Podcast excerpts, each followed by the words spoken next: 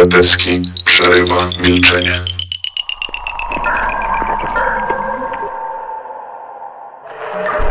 Bartek Biedrzycki czyta klasyka polskiej fantastyki przygodowej.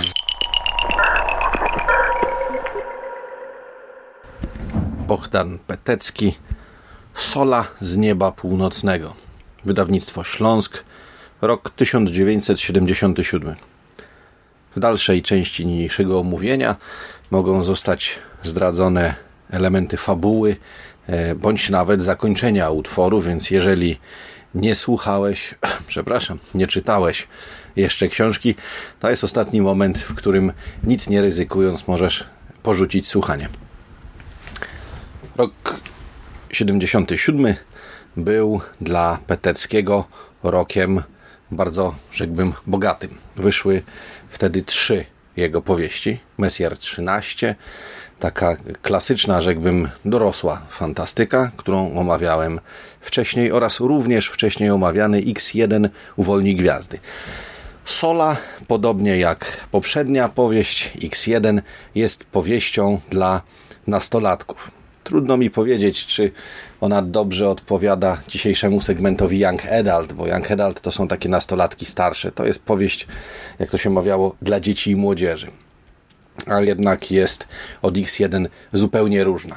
Kiedy zacząłem czytać tamtą powieść, to skojarzyło mi się to, no zresztą nie bez powodu, z serialami młodzieżowymi, które oglądałem w latach 80.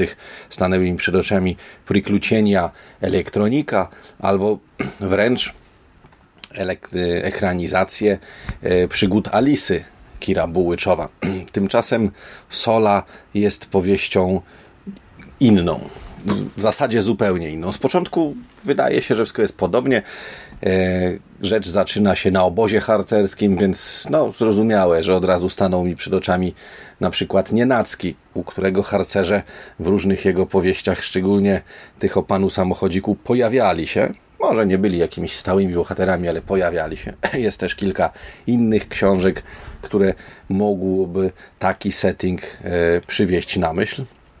I wszystko jest fajnie, no bo zaczyna się od sensacyjnego wydarzenia. Jeden z druhów zaginął, wszyscy go szukają, on wraca, nie było go dobę, nie wiadomo co się stało. Otóż co się stało? No mówiąc najkrócej, chłopaka, głównego bohatera, porwało UFO trudno to nazwać do końca porwaniem, kiedy wczytamy się w tę powieść, ale tak, z zewnątrz tak to wygląda. I niestety e, taki dobry początek, całkiem niezły, jest potem no, zdyskontowany przez to, w jaki sposób powieść jest napisana. Mniej więcej połowa tej powieści jest bardzo nużąca. Nie chcę powiedzieć, że jest nudna, bo oczywiście muszę tutaj i wy też, y, słuchacze, i być może byli albo przyszli czytelnicy, albo jedno i drugie naraz, wziąć pod uwagę jedną rzecz. To, co napisał Petecki, niekoniecznie musi być ciekawe dla starego dziada, który z pamięci wymienia po nazwisku załogi Sojuzów z okresu lotów na stację Salut, który o y, przestrzeni międzygwiezdnej i międzyplanetarnej wie trochę więcej niż taki przysłowiowy mężczyzna w 15 roku życia, taki sam jak główny bohater. Rówieśnicy bohatera Zwłaszcza ci, którzy książkę czytali w roku 77 i trochę później, y, dla nich to, co Petecki opisał w tej pierwszej połowie książki, w tej pierwszej części, może być ciekawe. W końcu opisuje o locie na inną planetę, o poruszaniu się w kosmosie, o spotkaniu z obcymi, o locie w prawdziwym pojeździe kosmicznym. Jest to wizja przyszłości, mimo że w tamtych czasach, cóż, no, nie była to już dla ludzkości jakaś szczególna nowość. Zwłaszcza, że rok później, w czerwcu 1978 roku, na radziecką stację kosmiczną Salut 6 poleciał jedyny jak dotąd obywatel Polski, czyli nasz rodak Mirosław Hermaszewski i spędził tam tydzień współpracując z Rosjanami nad rozmaitymi eksperymentami. Ale jednak, mimo tego, że temat jest ciekawy, to ta pierwsza część napisana jest jakoś tak nieskładnie, trochę brak w tym rytmu. Długie, bardzo długie sekwencje, niemalże momentami prawie jak strumień świadomości podane, ciągiem, z małą ilością dialogów, zawierające dużo przemyśleń, przerywane są yy, odniesieniami do rzeczywistości obozowej, ponieważ główny bohater całą swoją przygodę opowiada przy ognisku swoim kolegom i koleżankom. Koleżankom bardzo pięknym, chichrającym się trochę po cichu w tym zapadającym zmierzchu i obdarzanym bardzo długimi i bardzo uważnymi spojrzeniami wszystkich chłopaków, w tym również sprawcy całego zamieszania.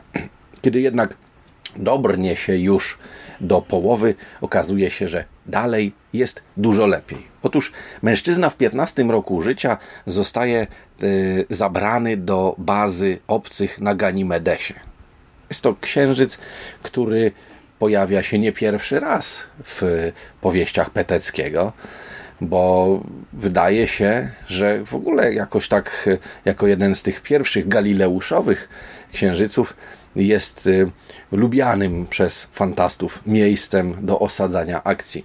Tam obcy, y, nim będą mogli dotrzeć fizycznie, ponieważ utrzymują tylko automatyczną bazę, zanim dotrze do chłopca naukowiec wysłany przez obcą cywilizację, żeby go w jakiś sposób oswoić z tym wszystkim, trochę obłaskawić, bądźmy szczerzy, tworzą awatara. Awatara tego tworzą na podstawie obrazu, który wyjątkowo silnie w piętnastoletnim umyśle się zapisał. A obrazem tym jest koleżanka druchna Sola, którą główny bohater poznał na obozie harcerskim. Czemu akurat ona wryła się tak w pamięć chłopaka, tego obcy nie wiedzą. Faktem jest, że dominuje w jego myślach. Jest piękna, e, młoda i bardzo, bardzo sympatyczna.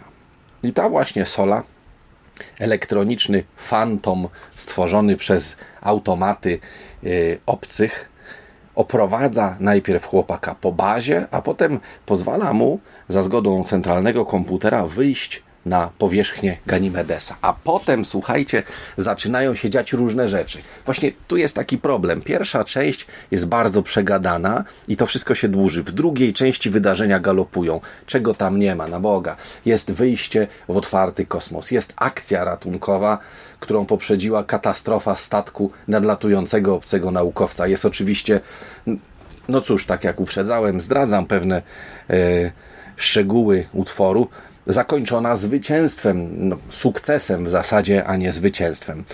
Bardzo ciekawie Petecki pokazuje nam tu, konfrontuje nas poprzez oczy piętnastolatka z Ziemi, z obcą cywilizacją, ale robi to w sposób bardzo ciekawy, bo pokazując, nic tak naprawdę nie pokazuje. Wiemy tylko tyle, że obcy są do nas bardzo podobni, ale pochodzą z innego świata i pod wieloma względami się różnią.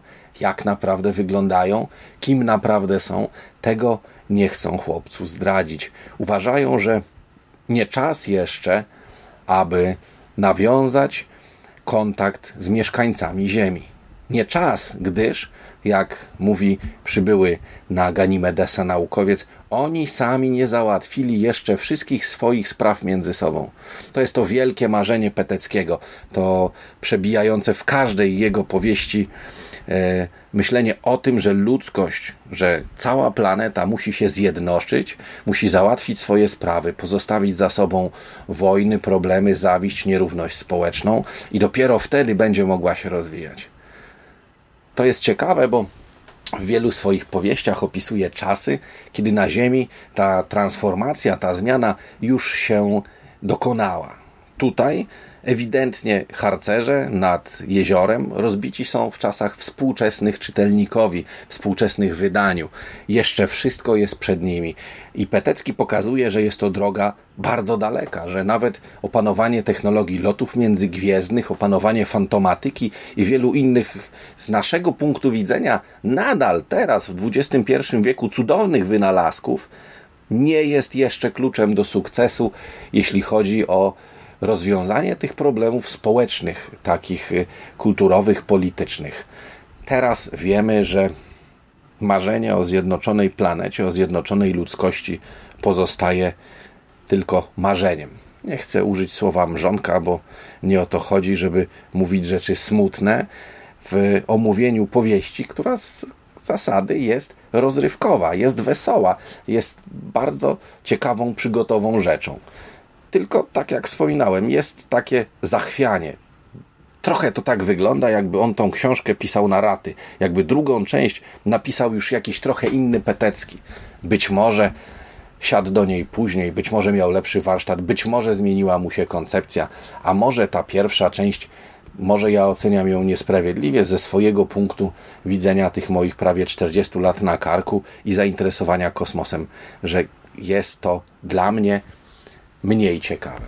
Być może powinienem też brać poprawkę na to, że czytelnik powinien mieć lat 15, czytając takie rzeczy i zachwystując się nimi po raz pierwszy. Są zresztą bardzo dobre fragmenty i cały ten, cała ta sekwencja, kiedy e, ta dwójka, ziemski chłopiec i e, fantom dziewczynki e, przebywają razem na stacji, wydaje mi się, że nadawałby się świetnie na teatr telewizji. Gdyby postawić tam dwójkę dobrych warsztatowo, ciekawych aktorów, to naprawdę mogliby zrobić z tego coś, coś fajnego.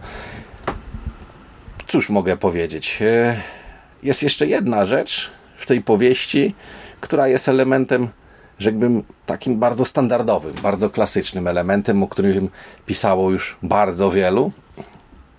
Powiem tylko, że jeżeli czytaliście kiedyś ekspedycję Górnego, Mostowicza i Polcha, to również u Peteckiego znajdziecie znajome elementy.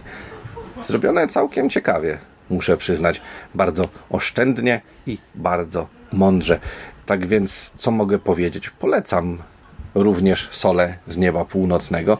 Może dla współczesnego młodszego czytelnika, wychowanego na dystopiach, antyutopiach Young Adult, ta książka z początku nie okazać się wciągająca, może okazać się nużąca, ale jeżeli będzie to czytelnik zapalony i przebrnie przez nią, albo jeżeli będzie to czytelnik nieco starszy i wyrobiony i przebrnie przez tą pierwszą część, to jest to lektura w pełni satysfakcjonująca. Pozdrawiam.